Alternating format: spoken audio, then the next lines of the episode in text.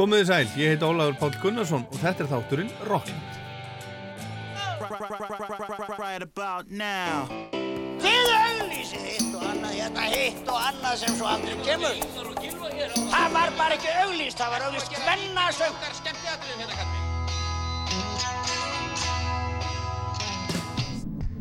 Hvað gerir kvöld? Kíkja á tónleikana? Ekki? Það er ekki beint fyrir mig að vera innan um einhverja brjála úlinga. Hvað minnur þau?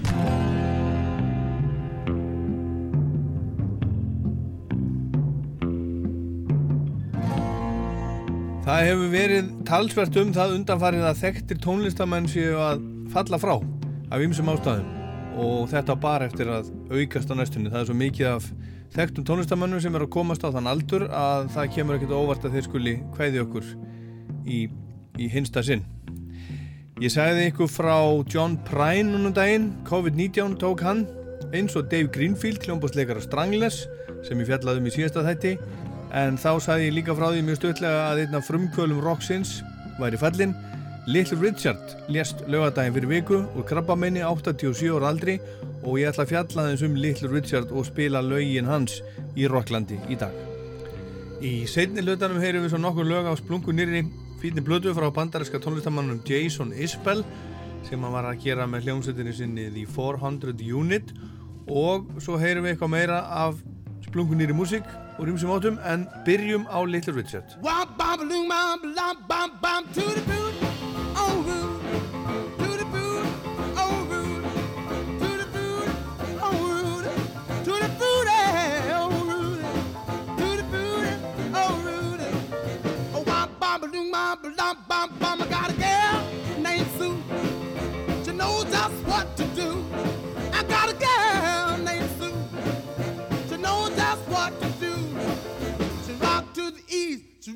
the west, but she's the gal that I love best. The booty, on Rudy, to the on Rudy, Ooh, to on Rudy, to the on Rudy, to the booty, on Rudy.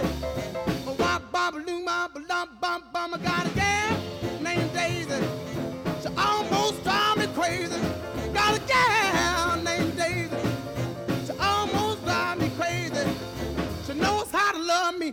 Indeed.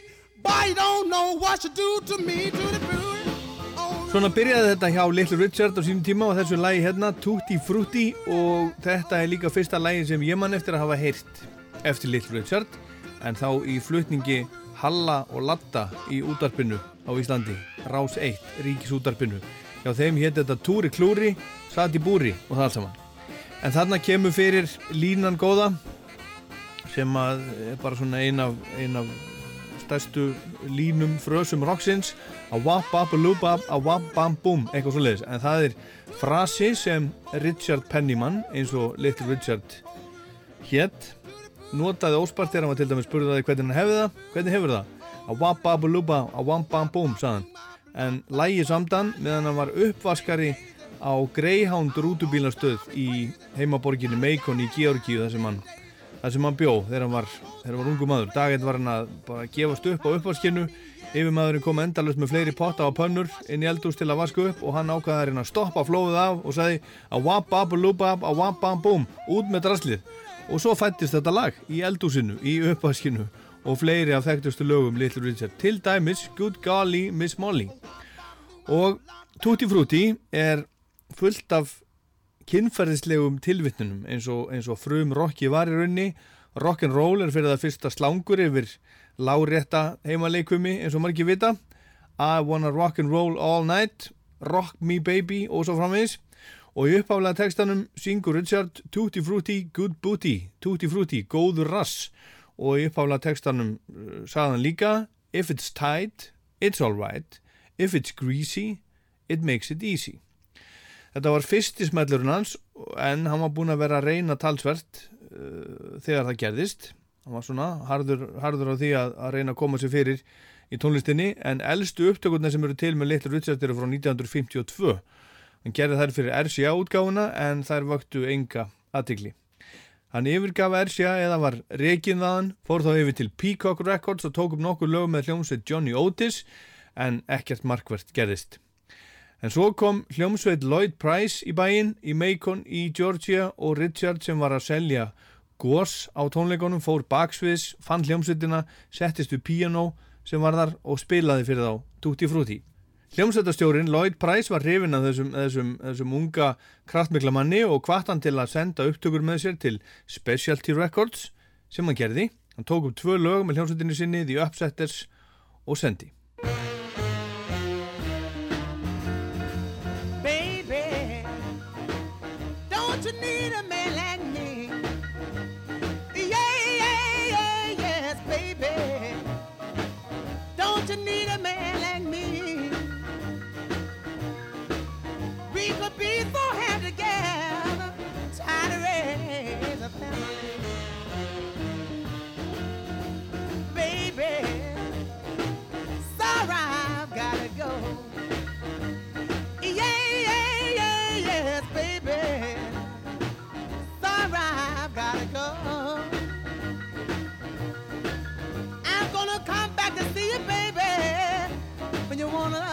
Love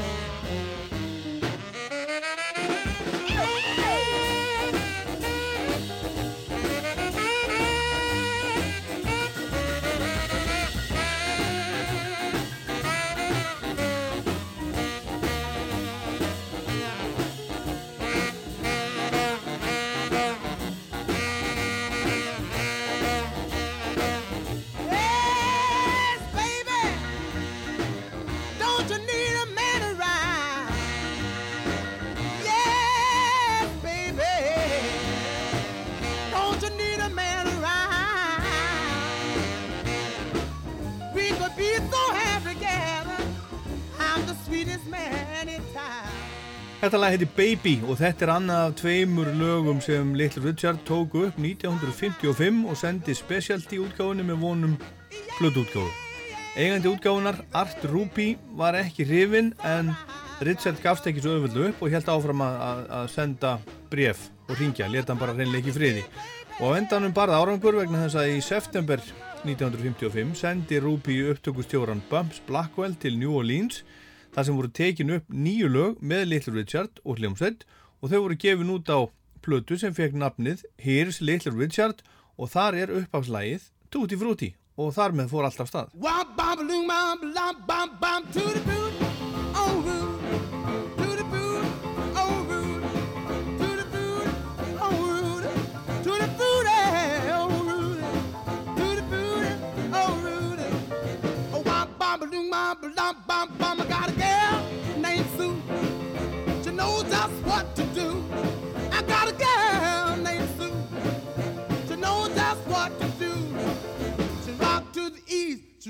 the west, but she's the gal that I love best. The booty, oh Rudy, the booty, oh Rudy, to the oh Rudy, the booty, oh Rudy, the booty, oh Rudy.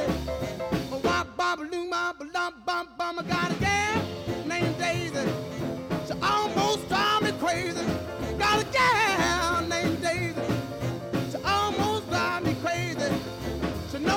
love me, yes indeed. Boy, you don't know what she do to me, to the booty, oh Rudy, to the booty. Þetta er síðasta lagi sem var tekið upp fyrir fyrstu plötu, stóru plötu, Little Richard, Here's Little Richard. Öll lögin voru tekin upp á, á undan þessu og þau voru eins konar svona bluesnúmer og upptökustjórin Bums Blackwell, hann var ekkert, ekkert sérstaklega hrifin þannig lagað og setni upptökudaginn, það voru tveir dagar, setni upptökudaginn tókuður pásu frá upptökunum, fóru á bar í nágruninu og þar settist okkar maður við píanóið á staðnum og spilaði fyrir þá sem voru þar inni lagið sitt Tutti Frutti og það kveikti í upptökustjórunum, hann var ekki búinn að heyra þetta og hann sagði þetta verður að vera með á blöðunni en okkar maður, hinn nýlátni Richard Wayne Pennyman fættist 5. desember 1932 í borginni Macon í miðju Georgíu fylki bandarækjana einn af tólsískinum, stór fjölskyldan var líka stór og það var talsvert af prestum og predikurum í fjölskyldinni, trúa fólk. Richard Little, hann ólst ekki upp í fínu hverfi, heldur í hálgjöru slömmi. Pappans var svona maður getur sagt að hann var í hálgjöru drullasokkur allt múlitt maður, hann var múrari, hann var djákni rak líka næturklub sem að hétti því Tippin og svo seldan Landa sem hann bruggaði gerði alls konar. Og pappin var ekki mjög hrifin af Richard Little.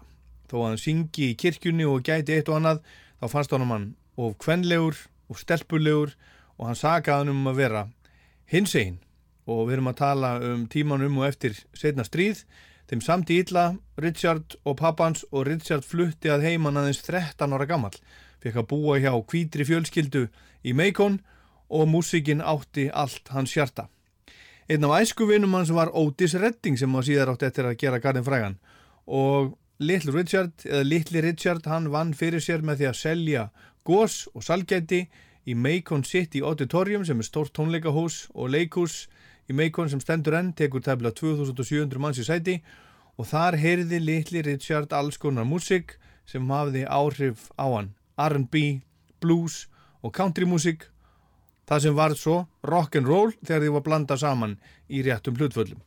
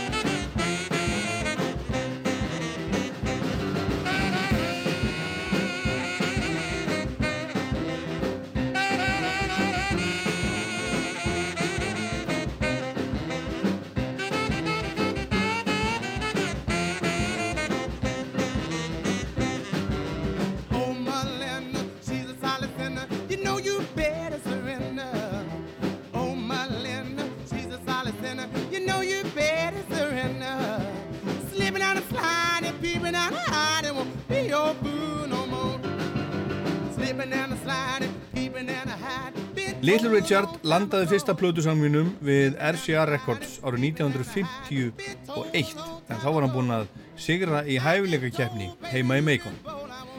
Hann var kallaður Little Richard, Little Richard frá því hann var strákur og það festist enn betur við hann þegar hann byrjaði að koma fram ofinberlega 15 ára gammal.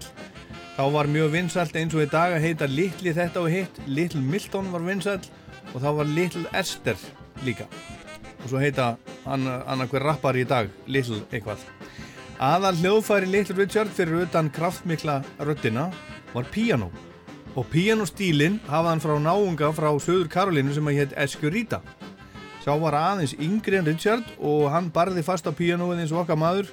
Og hann var líka með mikið svart hár eins og Richard greittið aftur og upp í loft eins og Little Richard gerði litríku náungi. Og Richard fekk sér satt eitt og annað láni frá þessum þessum náunga. Eskurita og hann er nú ekki nærri eins þektur var ekki nærri eins þektur og Little Richard átti eftir að verða.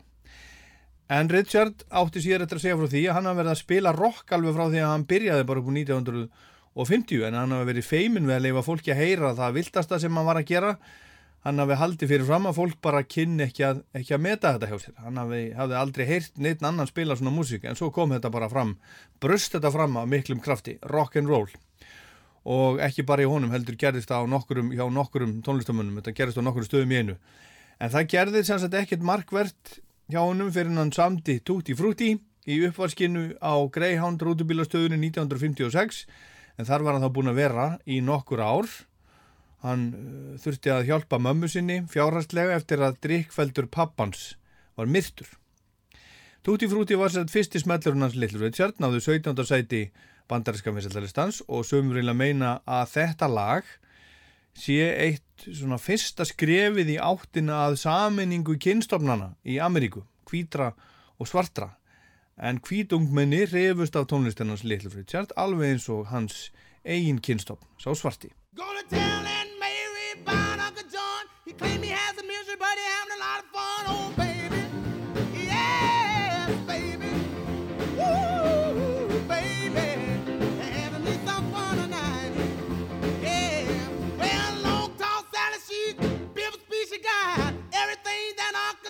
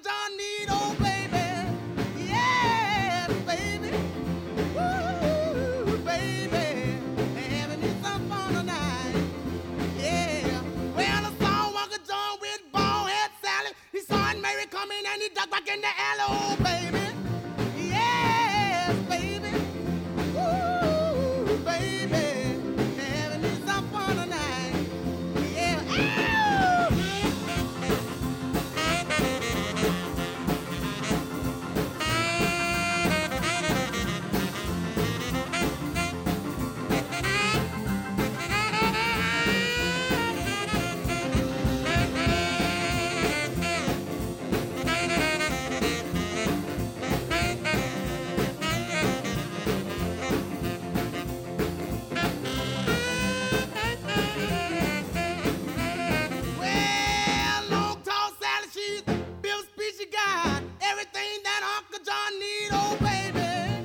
Yes, baby. Ooh, baby. Having me some fun tonight. Yeah. Well, a song Uncle John Þetta kom út í mars 1956, næsta smáskífa Little Richard á eftir Tutti Frutti, Long Tall Sally. Þetta náði sjötta sæti bandaríska vinsaldalistans og þetta er eitt af lögunum hans Little Richard sem bítlarnir settu á prógrami sitt þegar þeir voru að byrja. Og þeir spiluðu þetta marg oft allan ferilinn og byrjuðu að spila þetta þegar þeir hétu The Quarrymen áður en þeir kölluðu sig The Beatles. Spiluðu þetta mikið í, í Hamburg á sínu tíma og tóku þetta svo upp og gáfu út 1964.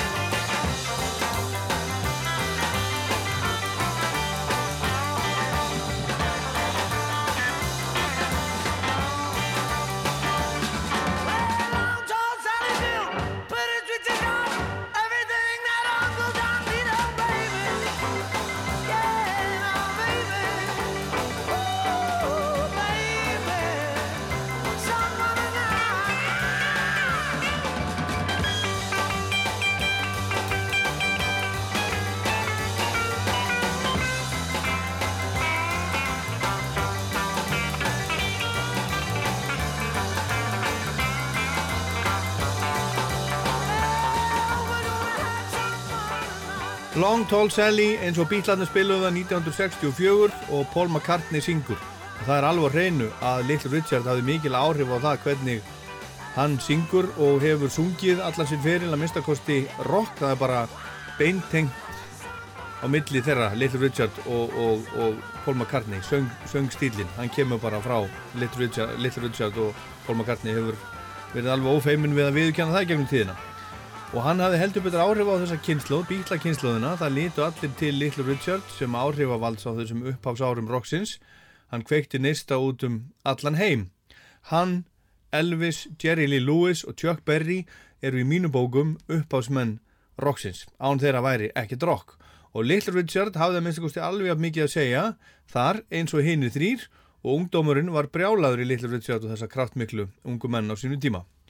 Og Little Richard varð mikil stjarnar á stuttum tíma og á þessum tíma vildu kvikmyndaframleðendunir í Ameríku fá popstjörnunar í myndirna sínar, rockmyndirna sínar og Little Richard leki í eða kom fram í, í, í myndum eins og Don't Knock the Rock 1956 og The Girl Can't Help It 57. En þó svo hann hafi verið vinsall, komið lögunum sínum á vinsaldalista, komið fram í vinsalum kveikmyndum og höfðað svona jamt til hvítra og svartra, var ennþá talsverður aðskilnaður hvítra og svartra í bandarækjunum og lögin hans komu út á sama tíma og hans útgáfur kom út, eða skömmu síðar, með öðrum, mýgri og svona örlíti minna hættulegum flytjandum eins og Pat Boone.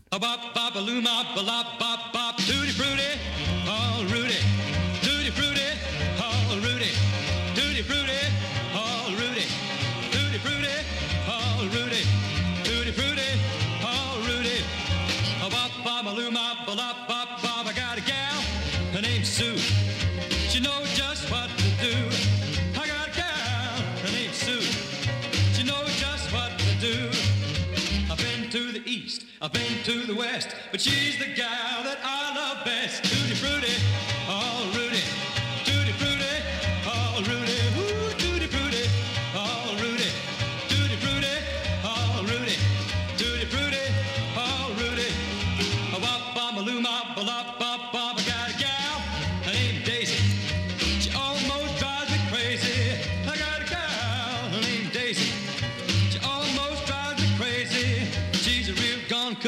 Yes sirree. But pretty little Susie is the gal for me.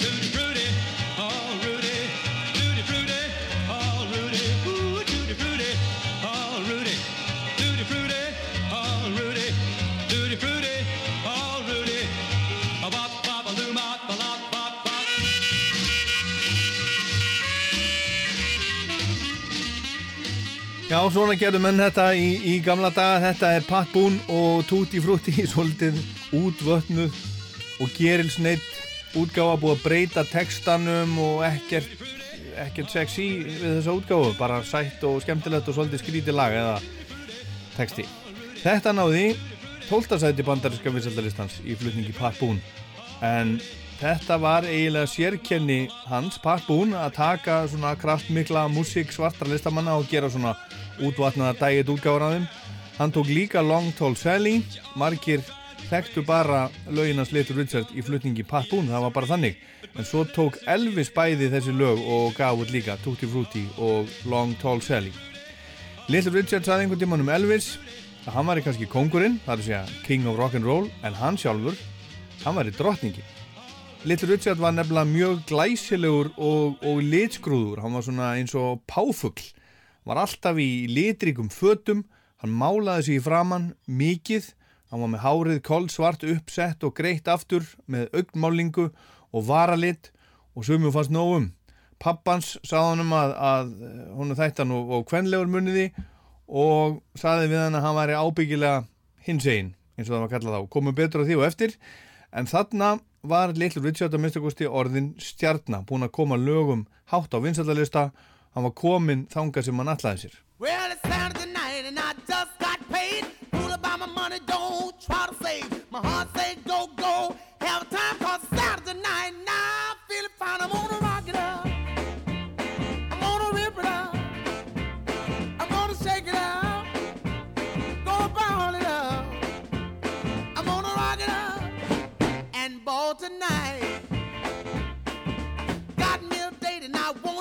won't be late. Pick her up in my 88.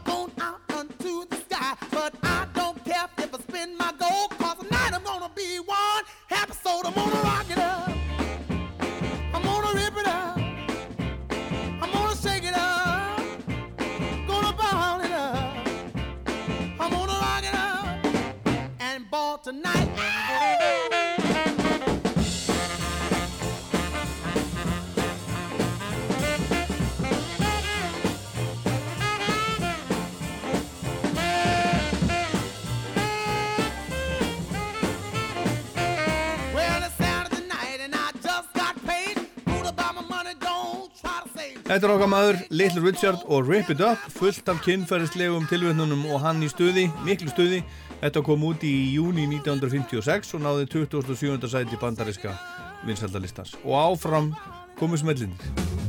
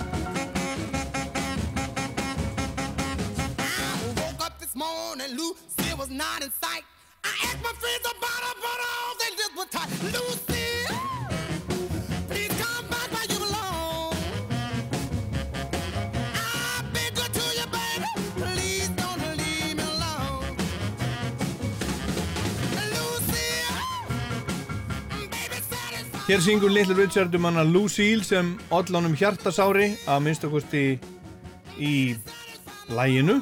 Það er ekki víst að þessi Lucille hafi nokkuð tíma verið til en þarna var okkar maður sjóðheitur árið 1956 og 57 seldan 32 miljónir platna sem er rosalegt.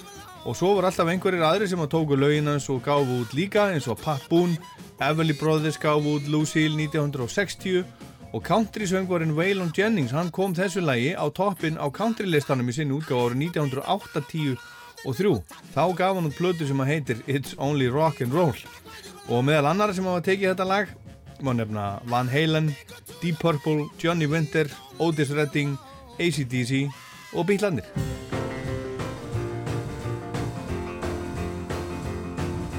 Jenny, Jenny, Jenny, won't you come along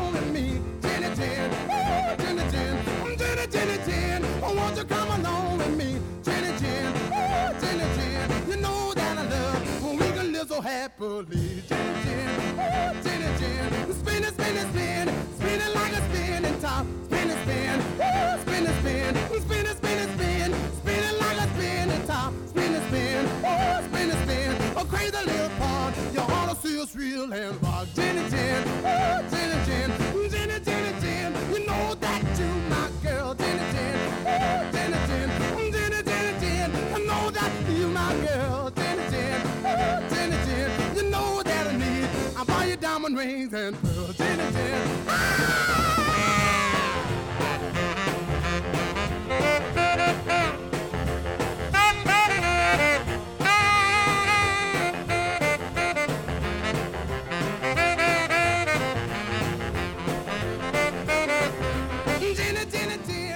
Hér er sungið um hana Jenny, Jenny, Jenny, Jenny. Þetta kom út í júni 1957 og þarna á þessum tíma kom hver smellurinn, hver platan á fætur annari.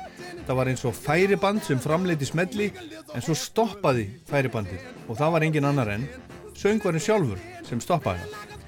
Eina nóttina dreymdi hann vondan draum um að heimsendir væri í nánd og hann færi eftir öll sín heimsku pör beinustu leið til helvítis og hann leita þetta sem skilaboð um að breyta lífi sínu þannig að 1957 á hátindi fyrirlisins ákvaðan að segja bless við rock og allt sem því tengdist og fór í biblíuskóla til að nema Guðs orð með það að leiðaljósi að kynna það svo öðrum Alabama Bible School Oakwood College hétt skólinn og hann útskrifaðist þaðan sem prestur. En þegar hann stegi þetta skref var hann búinn að taka upp fullt af lögum sem áttu eftir að koma út eins og til dæmis þetta hérna.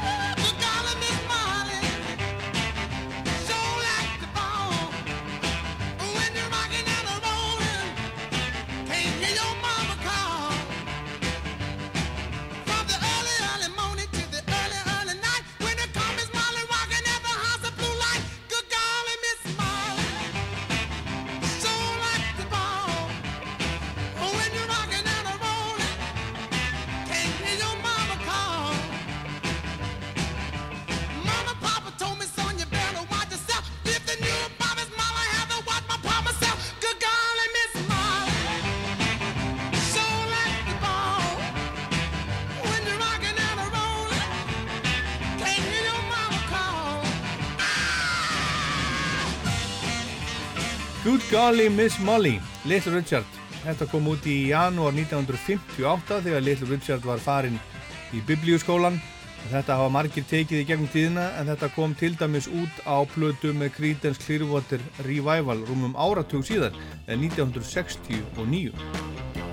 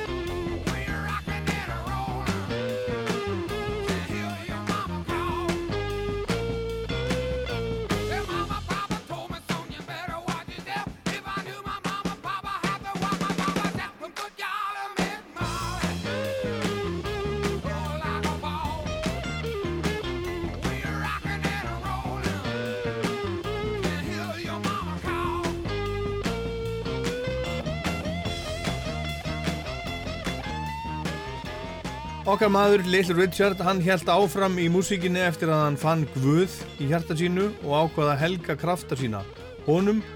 Og nú var bara sungið Guði til dýrðar. Fjórða stóra platan hans var gospelplata, heitir Pray Along with Little Richard.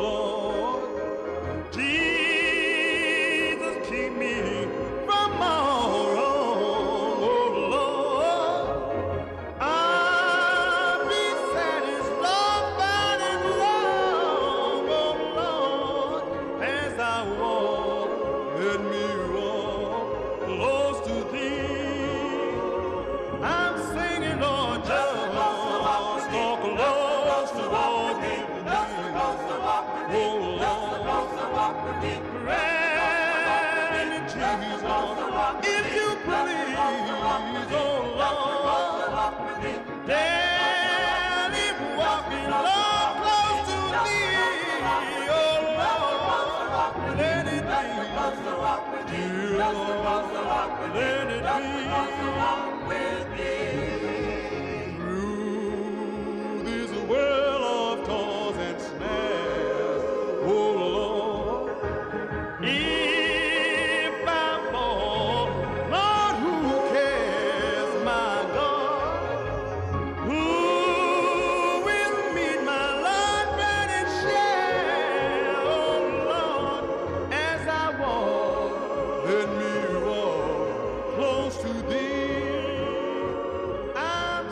Þarna guður heldur betur við nýjan tón hjá okkar manni. Þetta er gospelmusik árið 1960 og rockið orðið hálf döytt einhvern veginn. Fyrsta bylgjan, risinn og fallin. Elvis var í hernum, Buddy Holly var, var látin, lést í flugslýsinu daginn sem músikinn dó árið áður og svo framvegis. Og Little Richard, hann einbetti sér að gospeltónlistinni næstu árin. En 1964 ákvað hann að snúa aftur á fullum krafti í rockið. En hans tími var svona uh, liðin að mestu. Það voru komna nýjar stjörnur og þar voru flestar kynsláð yngri en hann og frá Englandi og nýju stjörnunar tóku honum reyndar lærimestara sínum, opnum örmum, hvort sem það voru Beatlarnir, Rolling Stones eða Bob Dylan sem var sjóðheitur Little Richard aðtáðandi. Og einhvern tíma líklega 1962 þegar Little Richard spilaði á stað í Hamburg, á Rýberbann í Hamburg í Þískalandi sem að e, hétt Star Club þá hituðu Rolling Stones upp fyrir hann og Beatlana hitt hann líka í, í Liverpool og í Hamburg þegar þeir voru tiltölulega óþekta stærðir. Well, the Beatles started with me. Brian Epstein brought me to Liverpool. He was the Beatles manager. He was their manager, yes. And so he offered me half of the Beatles. And I, I, I never thought they was going no place, and so I didn't take it. So he, they went on the stage and opened the show, and they were singing Love, Love Me, Do You Know I Love You. So he said, make a picture with these guys. It's the first time they met a famous person, and they idolize you. So all the Beatles sit around me and grabbed my finger. Paul had my thumb, John had my shoulders, George, they held me. You were especially close with, with Paul McCartney? Oh, yes. And he would stay in the dressing room and just, you know, talk to me, and they got this holler, woo, woo. You know, they would say, woo, woo, and then, woo. And so I'd taken them with me to a club called the Star Club in Hamburg, Germany. And they was making $50 a week apiece. Mick Jagger was opening my show. It was just called the Rolling Stones. He was opening my show. And, and it's just strange, all these people, how they came from me. When I look back over this, it's almost like a dream. Þetta er brot úr gömlum 60 Minutes þætti þar sem Ed Bradley talaði við Little Richard. John Lennon átti síðar eftir að, eftir að segja um þennan tíma þegar Little Richard spilaði í Hamburga þegar við verið baksviðs og fylgst með honum áður en að fóra svið og það sem hann gerði áður en að fóra svið var að lesa upp úr biblíunni. Ég elska Little Richard og hann er einn af þeim allra bestu, saði John.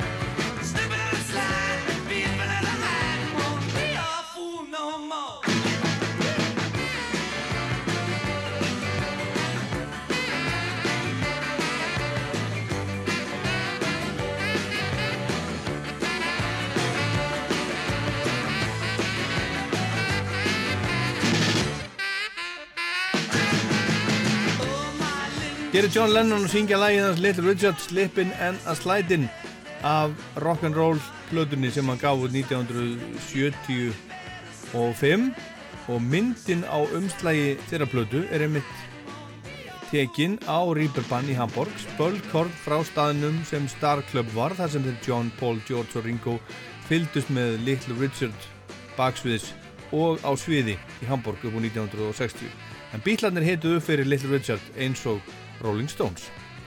Og tíminn leið og okkar maður held áfram að gefa út plötur sem að hétu hóvarum nöfnum eins og The Wild and Frantic Little Richard hún kom 1967 og sama ár kom líka The Explosive Little Richard. 1970 kom The Real Thing Mr. Big 1971 og svo plata líka það sama ár sem að heitir The King of Rock'n'Roll And it came to pass that in the year of rock and superstars, King Richard returned from exile to claim his throne. And from around the world the cry was...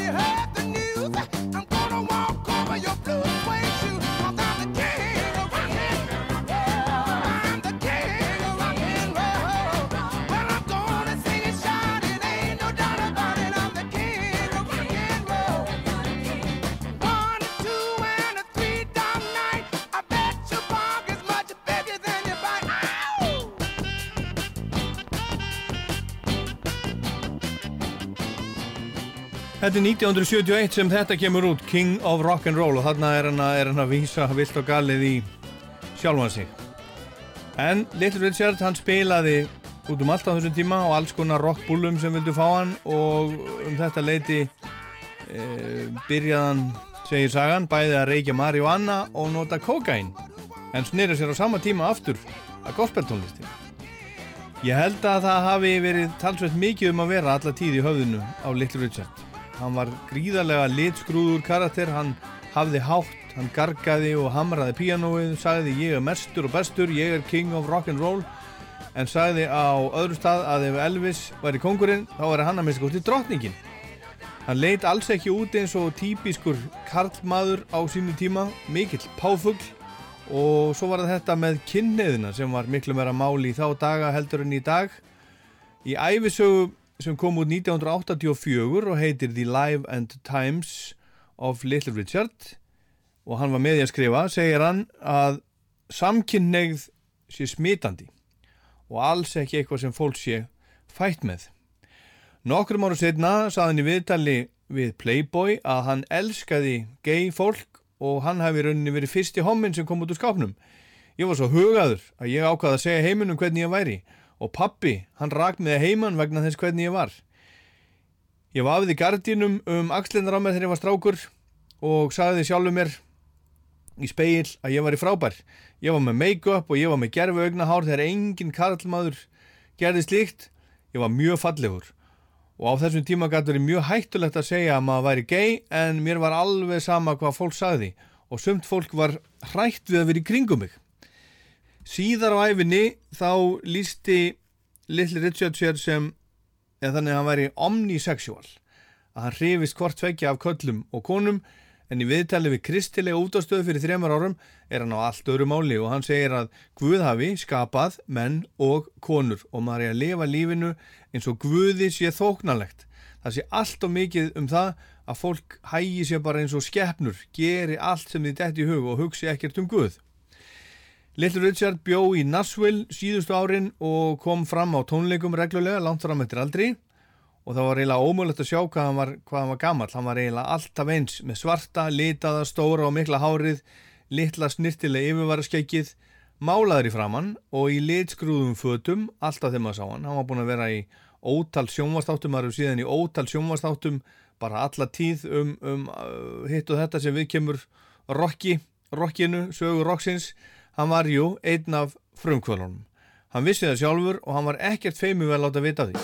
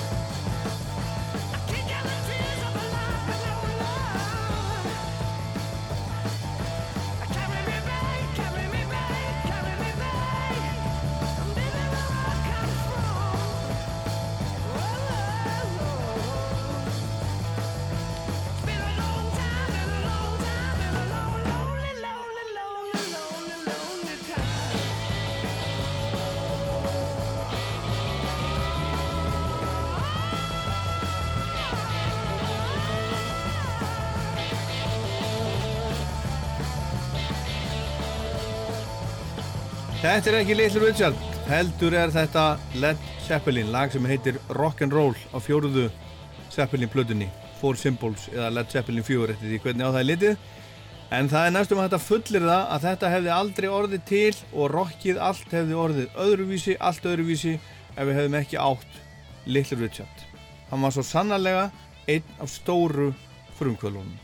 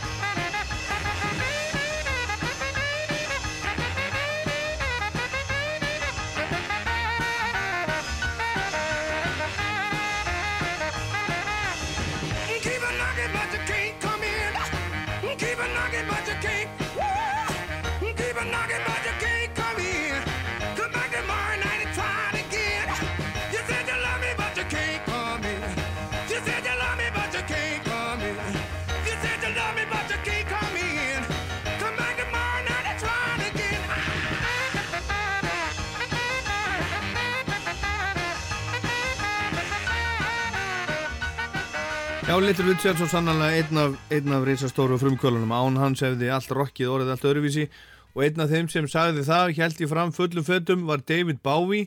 Hann var bara lítill strákur þegar hann sá uh, Little Richard í sjónvarpinu og hugsaði, svona vil ég verða þegar ég verða orðið stór. Kefti sér saxofón og, og einsetti sér það að einn daginn myndi hann verða saxofónleikari í hljómsveitinni hjá Little Richard. Það var nú reyndar aldrei, en kannski má segja að án Little Richard hefði aldrei verið neitt David Bowie.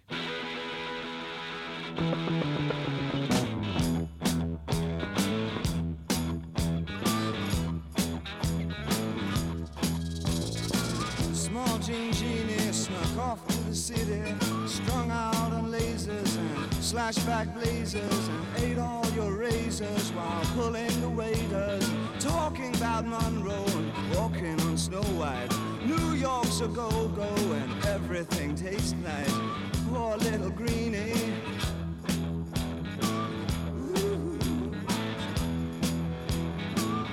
Get back on. Gene Genie lives on his back.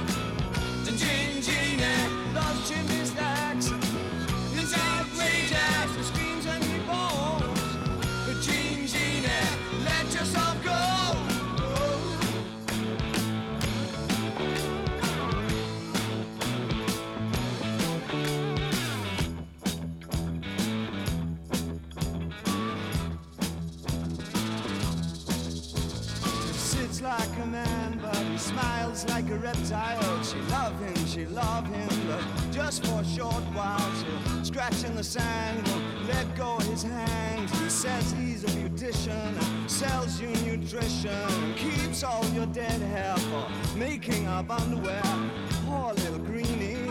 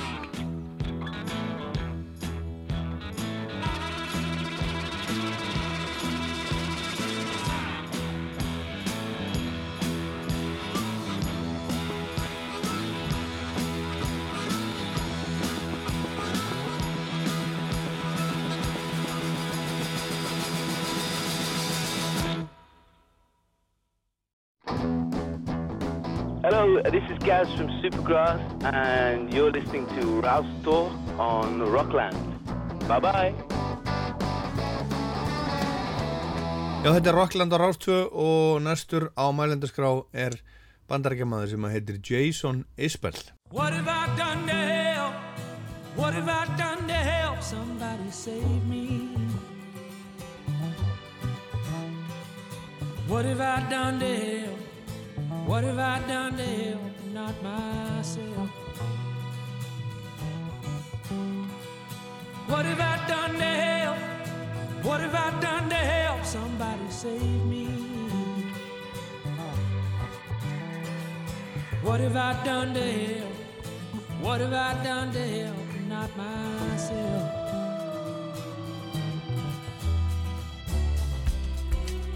Thought I was alone in the world until my memories gathered around me in the night. Thought I was strong until I finally had to fight. If I kept my head down and showed up to work on time and watched my appetite. Put the money in the mattress, lock the doors at night, and we'd all be alright. What have I done to help? What have I done to help somebody save me? What have I done to help? What have I done to help not myself? What have I done to help? What have I done to help somebody save me? What have I done to help? What have I done to help and not myself? See, I've made mistakes that I can't erase. And some of the love I've lost will not come back to me. I broke my word. I lied on a Bible just to feel a little free. She didn't deserve it. Nobody ever deserves it. I caught anchor and I drifted out to sea. And you found me busted. And somehow you trusted I was not what I could be. What have I done to help? What have I done to help somebody save me? What have I done to help? What have I done to help not myself? What have I done to help? What have I done to help somebody save me? What have I done to help? What have I done to help and not myself?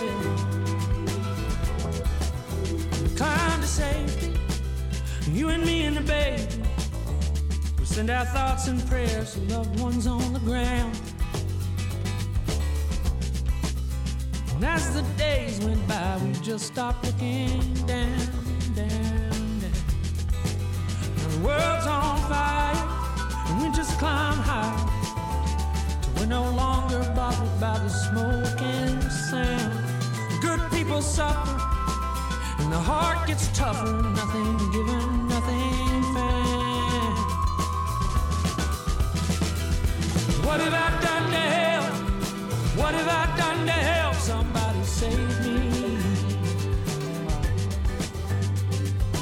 What have I done to help?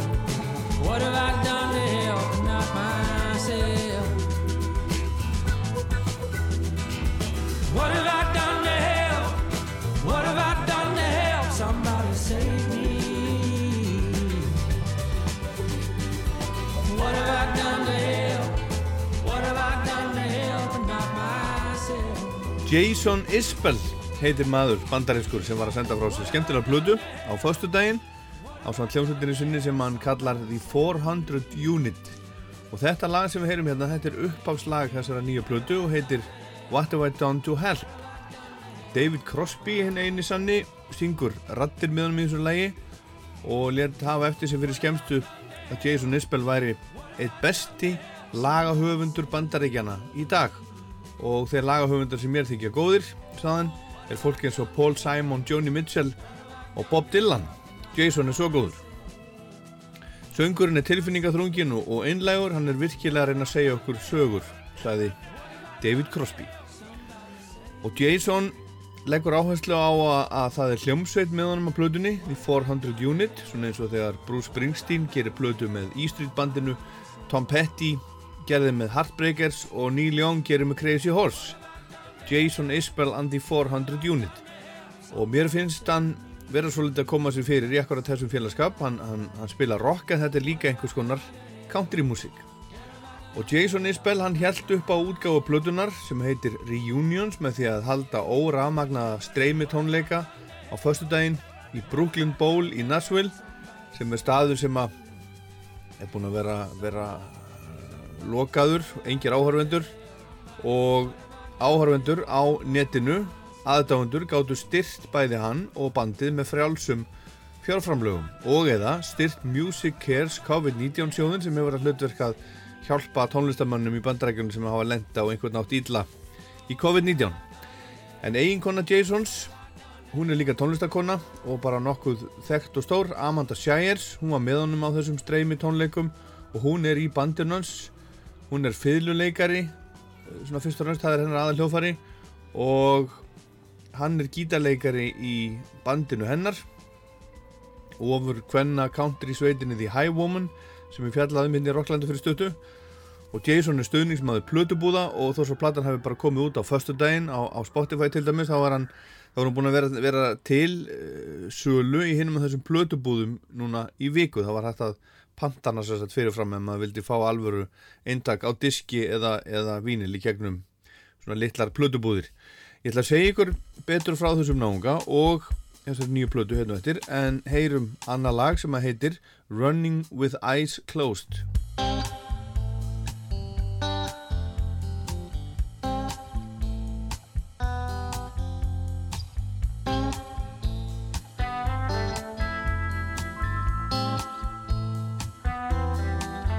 Took forever to get you to trust me. Like I was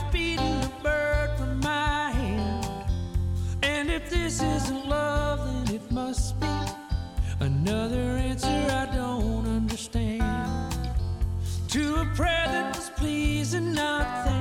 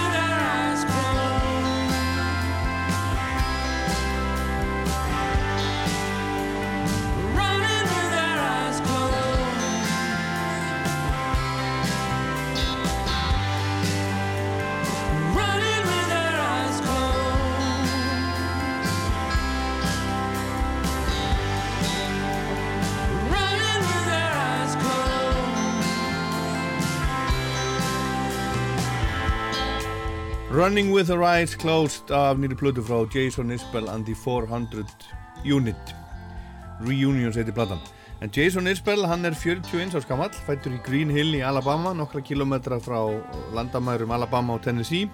Foreldrar hans voru svona hálfkeri unglingar þegar hann fættist pappin, húsamálarinn Mike Isbell var 19 ára og mamman sem lærði setna innanhúsarkitektur var 17 ára. Þau skildu þegar Jason var strákur og hann á tvö miklu yngri hálfsískinni Hann ólst upp í, í norður Alabama í svona litlum, litlum bæ og uh, ammans og afi áttu heima rétt hjá á, á Sveitabæ og hann var mikið hjá þeim meðan fóreldrarnir voru að vinna. Og afans og, og frendans kendónum undistuð atriðin á henni ímsu hljóðfæri til dæmis á mandolin þegar hann var bara 6 ára gammal, hann byrjaði 6 ára að spila, mandolin.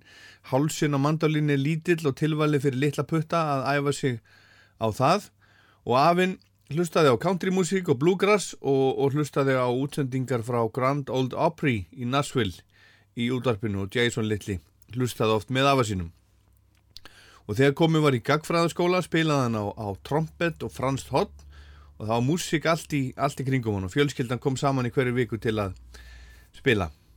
Og Ég veit ekki alveg hvort það var sami afinn eða hinn afinn en, en svo að föður af hans veit ég var, var prestur og spilaði á, á gítar í kirkjunni og Jason litli var talsveit í kirkjunni hjá afa sínum og þegar hann var 14-15 ára byrjaði hann að spila með vinu sínum og vinum í bílskursbandi og, og í öðru bandi líka svona country coverbandi og 16 ára gammal spilaði hann í fyrsta sinn á heimavelli country tónlistarinnar í Nashville, Grand Old Opry Hann gekk svo í University of Memphis, lagði það stund á ennsku og skapandi skrif en kláraði ekki, er ennþá óutskrifaður, tónlistin kallaði á hann.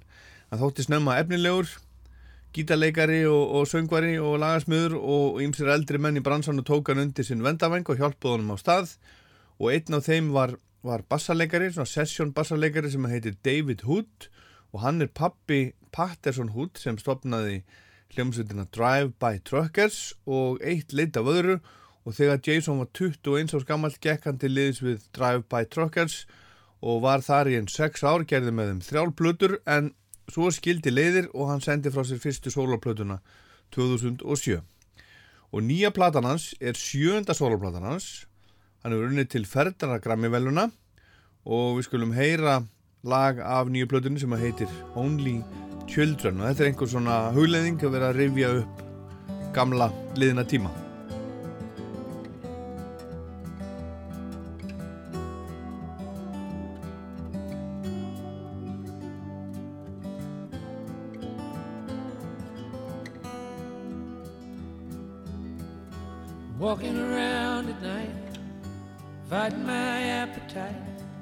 Every kid in cutoffs could be you.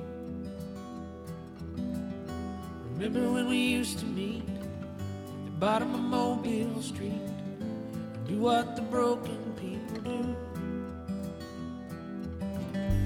Are you still taking notes? The Holy Ghost could get inside you. You do whatever you put your mind to. Will you read me what you wrote? We were locked outside the building, over encouraged only children. Cold coffee on the fire escape. We bet it all on a demo tape. But we still had something left to steal. Remember when we took too much to get a little of the human touch, hand to mouth and reel to reel? Are you still taking notes? Hydrocodone in your backpack. Maybe these words will hold the beast back. And will you read me what you wrote? The one I said you stole from Dylan, over encouraged only children.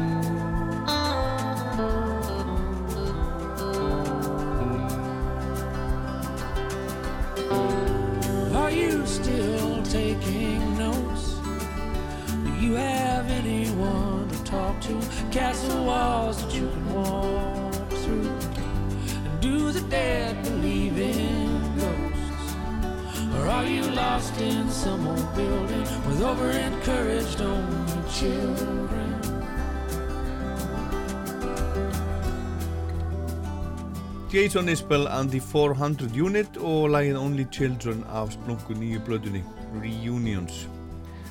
Jason Isbell, hann býr á samt konu sinni, tónlistakonunni Amanda Shires og fjögur ára dóttur þeirra rétt fyrir utan Nashville. Og hann segir frá því í viðtali í New York Times sem var byrkt bara núna fyrir stöttu að hann hafi verið að kljást við dóttur sína. Fyrir skemstu var reyna að fá hana til að þó sér vel aftur um hendurnar ábyggilega út af, út af COVID en hún neytaði og honum hittnaði eitthvað í hamsi var að busti sér tennurnar og áður en að vissi var hann búinn að taka gúlsopa af, af listerín sem er svona söll sem fólk notar til þess að að hreinsa á sér munnin þegar það er að tannbusta sig og lætur svona að leika um, um munnin og spýtir síðan í vaskinn. En hann glimti sér aðeins og drakk listerínið og í kjölfarið skömmur síðar fann hann aðeins á sér Listerinn er, er 27% alkohól og þetta væri svo sem ekki frásög á færindi nema vegna þess að Jason Isbell er, er alkohólisti sem átti í stormasömmu sambandi við áfengi árum saman þangar til að hætta að nota það fyrir 8 árum síðan, hann er ekki drukki dropa á áfengi í 8 ár. Þar til hann tók Listerinn gúlsopan hann um daginn og það sveif sér satt aðeins á hann.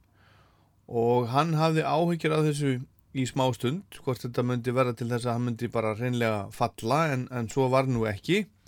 Hann drakk talsvert allan tíman meðan hann var með Drive by Truckers á sínum tíma og framann á sólaferlinum en svo var hann edru með hjálp eiginkonunar Ametu Shires og fyrstu edruplötuna South Eastern gerðan 2013 það, það gerir hann svolítið upp drikkjutíman, syngur svolítið um það og, og frelsununa frá brennuvinnu og það er eiginlega platan sem skaut honum upp á stjörnuhiminin í bandarækjónum í það mista og á nýju plötunni er lag sem heitir It's Easier og þar er hann að syngja um að það verði auðveldara eftir því sem tímin líður að díla við alkoholismann en það verði samt aldrei auðveld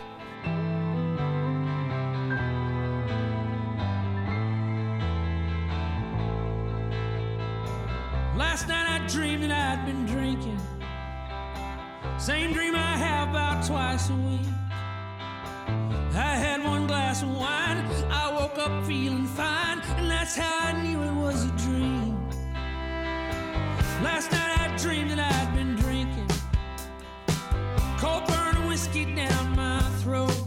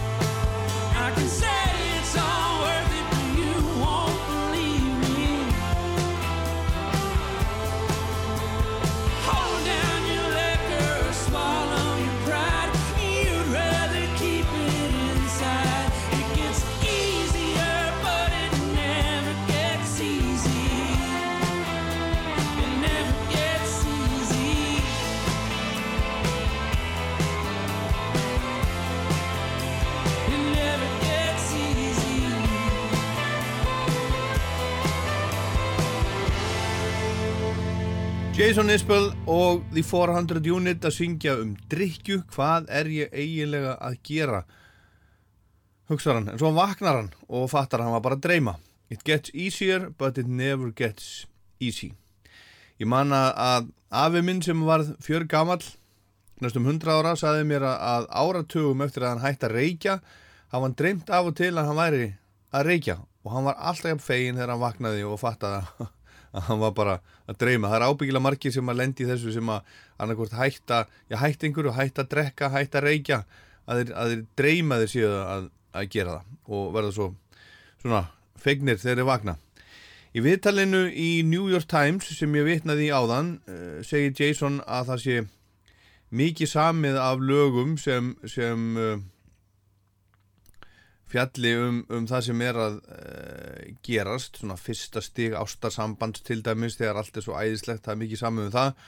Og það er samið um uh, missi þegar einhver deyr og, og, og jarðafarir og svona en það sé lítið samið um það sem tekur við. Fá lög sem gerast til dæmis 30 árum eftir að pappimanns deyr og það sem sé að gerast innra með einstaklingnum þá ég er búin að vera edru í 8 ár segir hann og vildi stundum óska þess að ég ætti ennþá áfengishækjuna til að stiðja mig við. En stundum dreymi með þessa drikkjudrauma en er samt alltaf að fegin þegar ég vakna. En hann upplifiði martröð vakandi þegar hann var búinn með plötuna og var til dæmis að, að, að spila hana tilbúna fyrir konunu sína. Þá komi Evin, kvíðin, hvernig myndi fólk taka þessari plötu? Hann er opinskár á plötunni, hann er að syngja og fjallum alveg hluti sem skiptar miklu máli og hann var ekki viss, var þetta góð plata eða bara alls ekki. Hann var búinn að vanda sig alla leiðina eins og hann gatt, en hvað?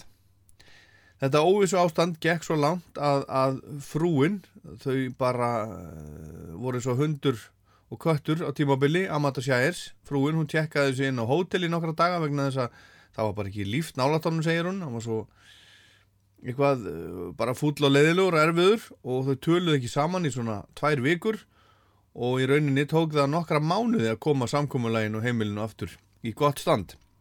En platan er ekki full af lögum um heimilisófrið, alls ekki og eitt af lögunum sem að fjalla beint um samband þeirra hjónana er fallegt lítið lag sem heitir St. Peter's Autograph og þar er Jason að segja aðmöndu sinni að hann styðji hana alla leið í sorg sinni en góður vinurinnar tónlistamæðurinn Neil Casal fram til sjálfsmorð í ágúst í fyrra og hún tók það mjög nærið sér.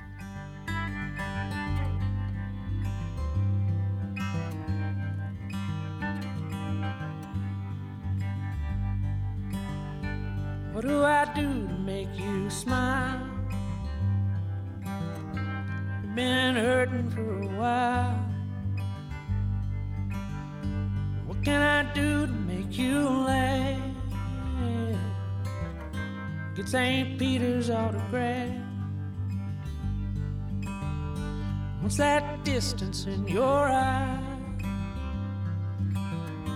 Has your faith been compromised? What can I do to help you sleep? I work hard and work for cheap. Sometimes it's nothing but the way you're wired, and that's not your fault. We're all struggling with the world on fire and the fear we're taught.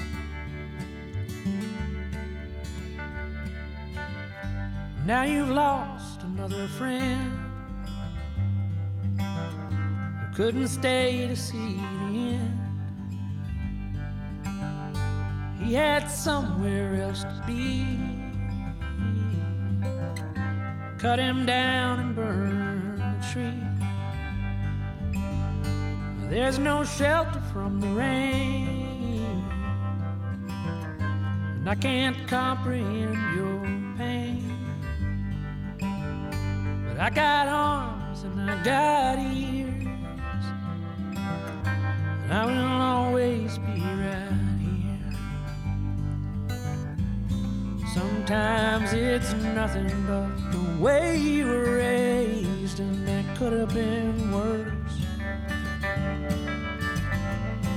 I see you suffering through the best of days, and still you put me first. What do I do to let you know I'm not haunted by his ghost? Let him dance around our room. Let him smell of your perfume. Share your best, remember when. If he comes through here again, maybe he can make you laugh. Bring St. Peter's autograph.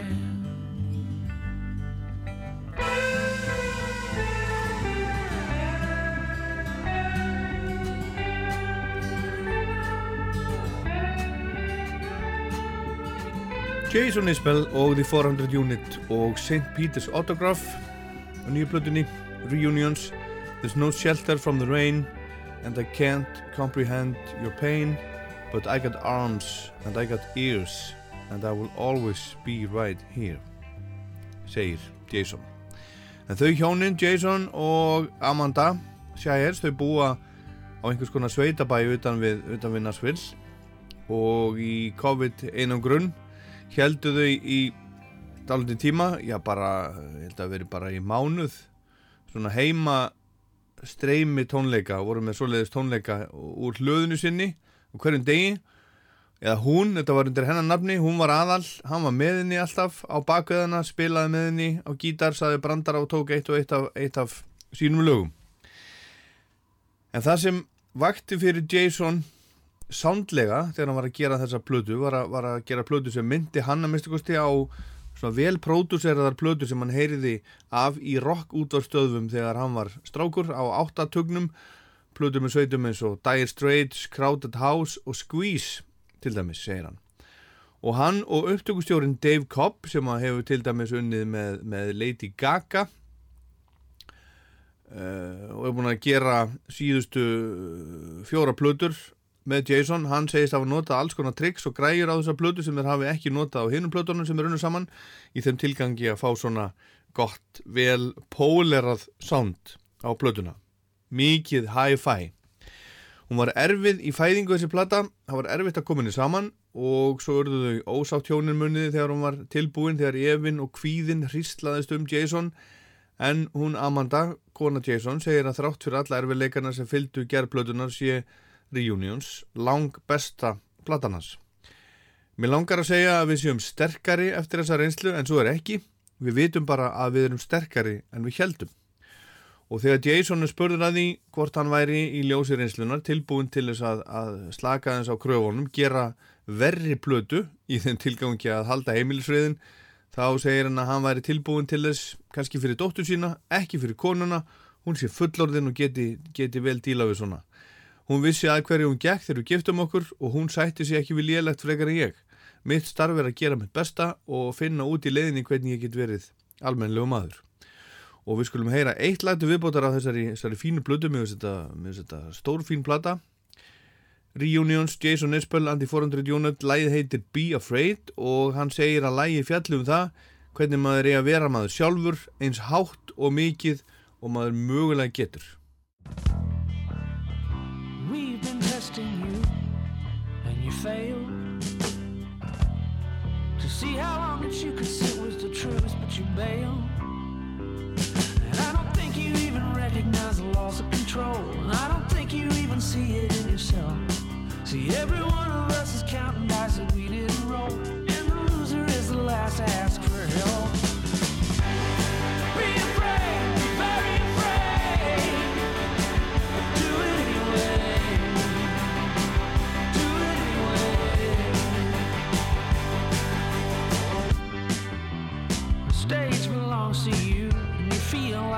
Star.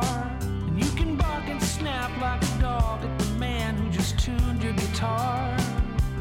And I don't think you even recognize the kid in the wings, and I don't think you even see her in yourself.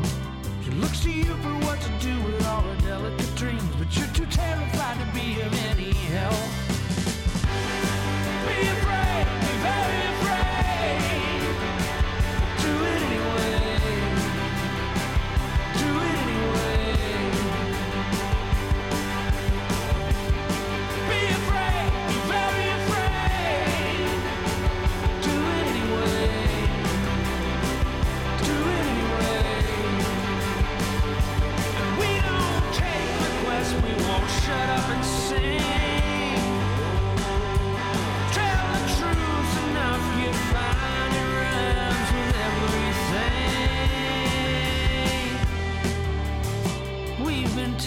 you, and you fail to see how long that you could hold it in before you scream, but you only exhale.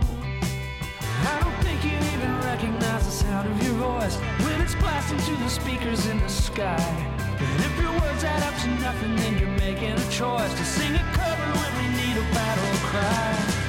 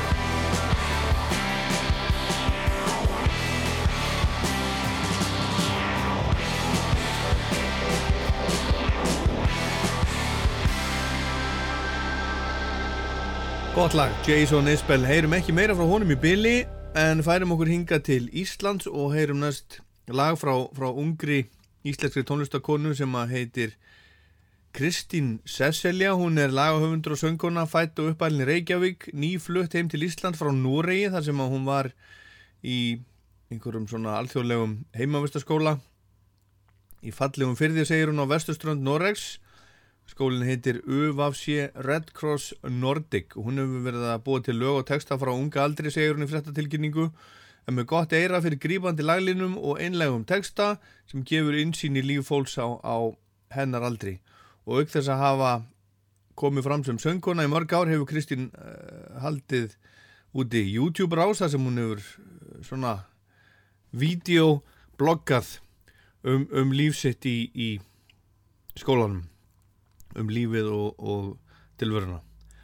Og hún er að fara að senda frá sér núna eh, bráðlega epi-plötu sem hafa að heita Break Up Blues og það er náingi sem er að vinna með henni sem að heitir Baldvin Linsson sem er upptökustjóri lagahöfundur og jazz píanuleikari hefur gefið út jazz-plötur og var valinn til dæmis bjartasta vonin árið 2018 á íslensku tónlistafölunum í flokki jazz og blues og hann hefur unnið með fólki á borð við við uh, Auði og Sturla Atlas, Dub og, og Unstein Manuel og skulum heyra þetta lag frá henni Kristínu Cecilju það heitir What Would I Do Without You Don't think I've said it enough. Don't think I've made it clear. Don't think you know just how much. My breath is trembling with fear. Cause we fight and we argue, then we don't talk. I get angry, you get mean. I'm sorry that I scream. I just hope that if I would, the words just say don't leave me dear. Cause when life was so rough, I was down on the ground. You entered like a storm, I was finally found. And if I ever get so lucky, then you won't ever leave me what would I do? Would I do? Would I do? Would I do without you? What would I do? Would I do? Would I do? Would I do without you? What would I do? Would I do? Would I do? Would I do without you? What would I do? Would I do? Would I do? Would I do without you? Don't think you really know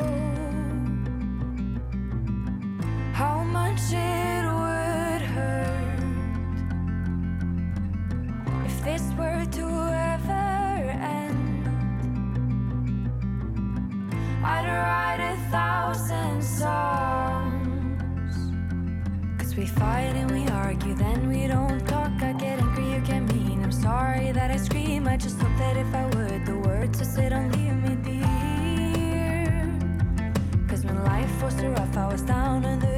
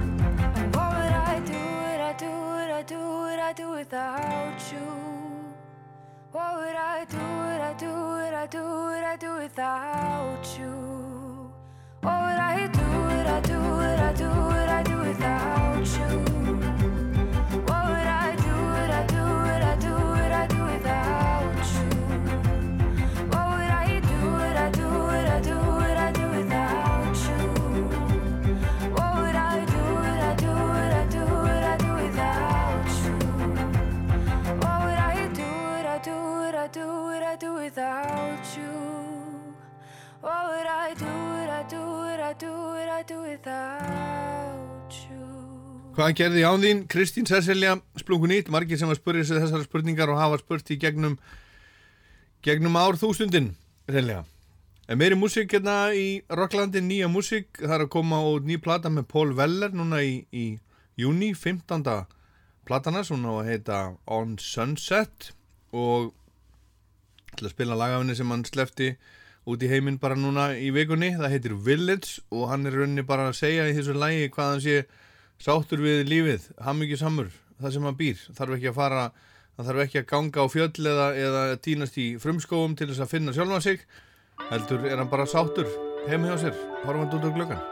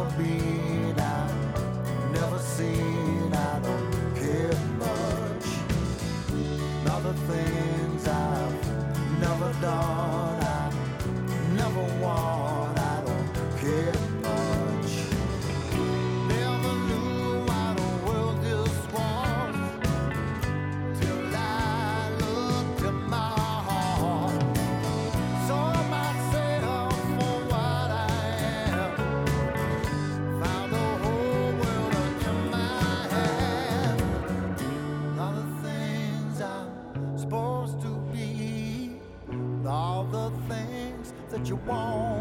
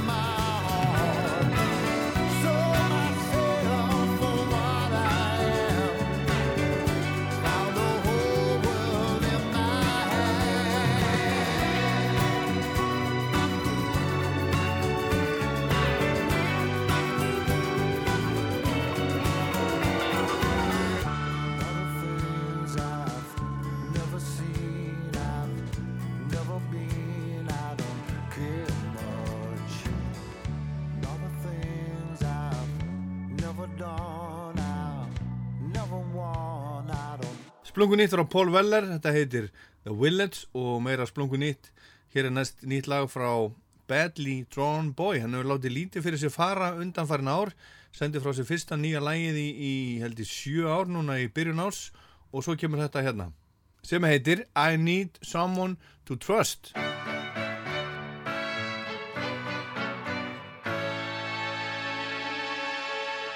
You ever had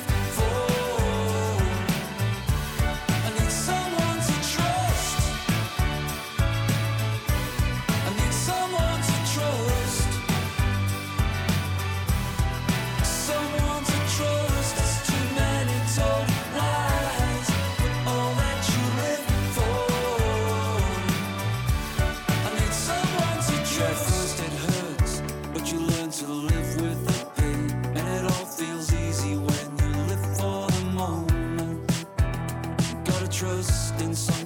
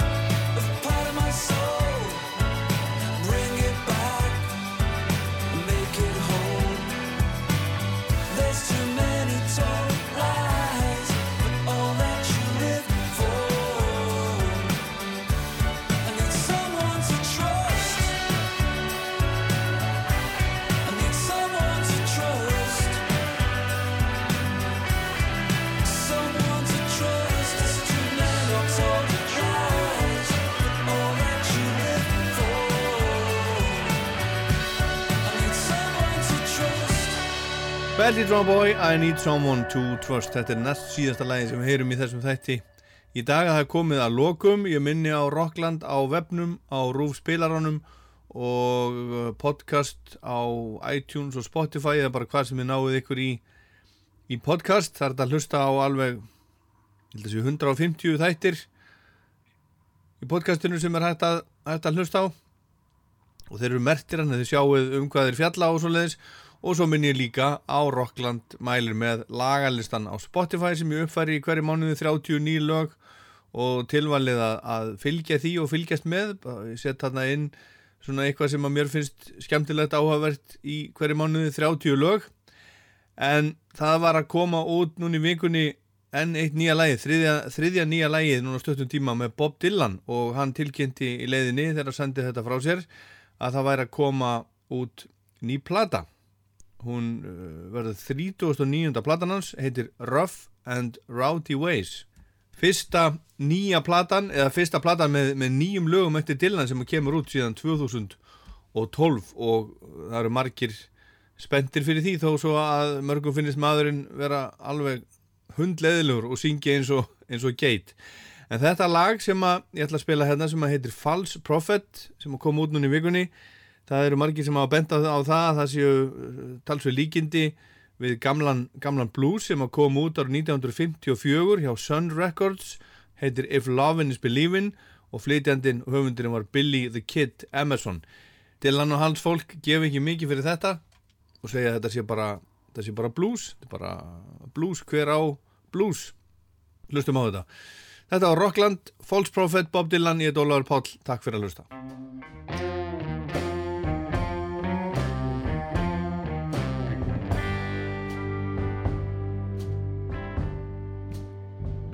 Another day that don't end, another ship going out. Another day of anger, bitterness, and doubt.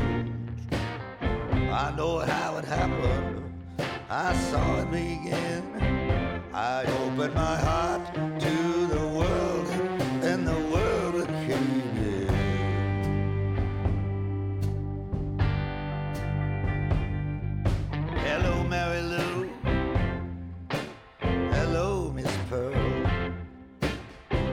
Pearl. My fleet-footed guides from the underworld. No stars in the sky shine brighter than you. You girls mean business, and I do too.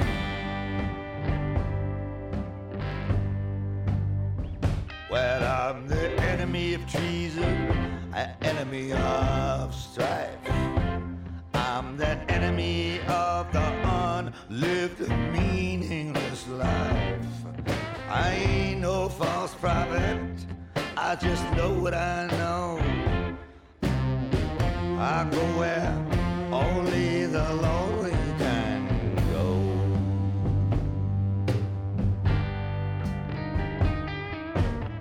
I'm first among equals, second to none, the last of the best. Can bury the rest, bury 'em naked with their silver and gold. Put 'em six feet under, and I pray for their soul.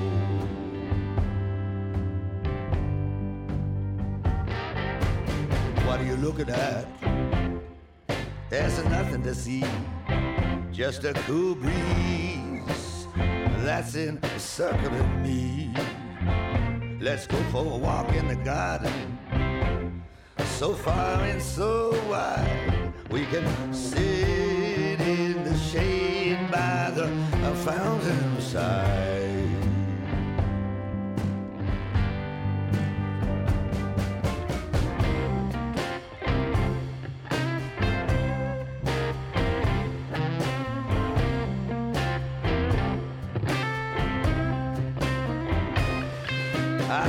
The world over for the Holy Grail. I sing songs of love, I sing songs of betrayal. Don't care what I drink, I don't care what I eat. I climbed a mountain of swords on my bare feet. You don't know me, darling. You never would guess. I'm nothing like my ghostly appearance would suggest. I ain't no false prophet. I just said what I said.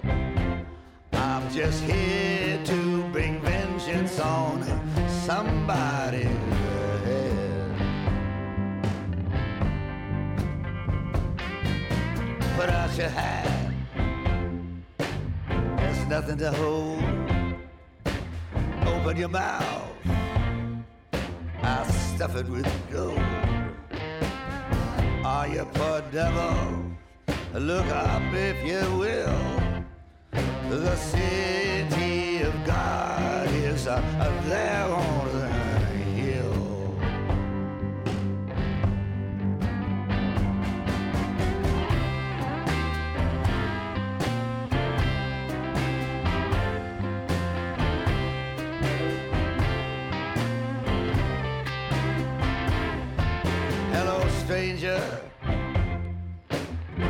Long goodbye.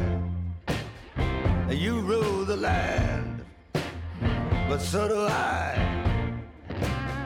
You lusty old mule. You got a poison brain. I'll marry you to a ball and chain.